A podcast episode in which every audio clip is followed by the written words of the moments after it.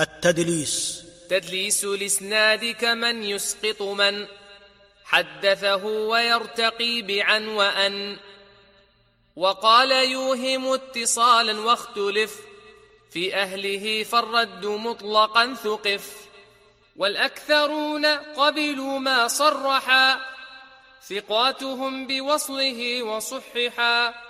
وفي الصحيح عدة كالأعمش. وكهشيم بعده وفتشي وذمه شعبة ذو الرسوخ ودونه التدليس للشيوخ أن يصف الشيخ بما لا يعرف به وذا بمقصد يختلف.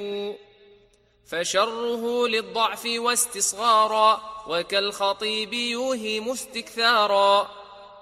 والشافعي أثبته بمرة قلت وشرها أخو التسوية.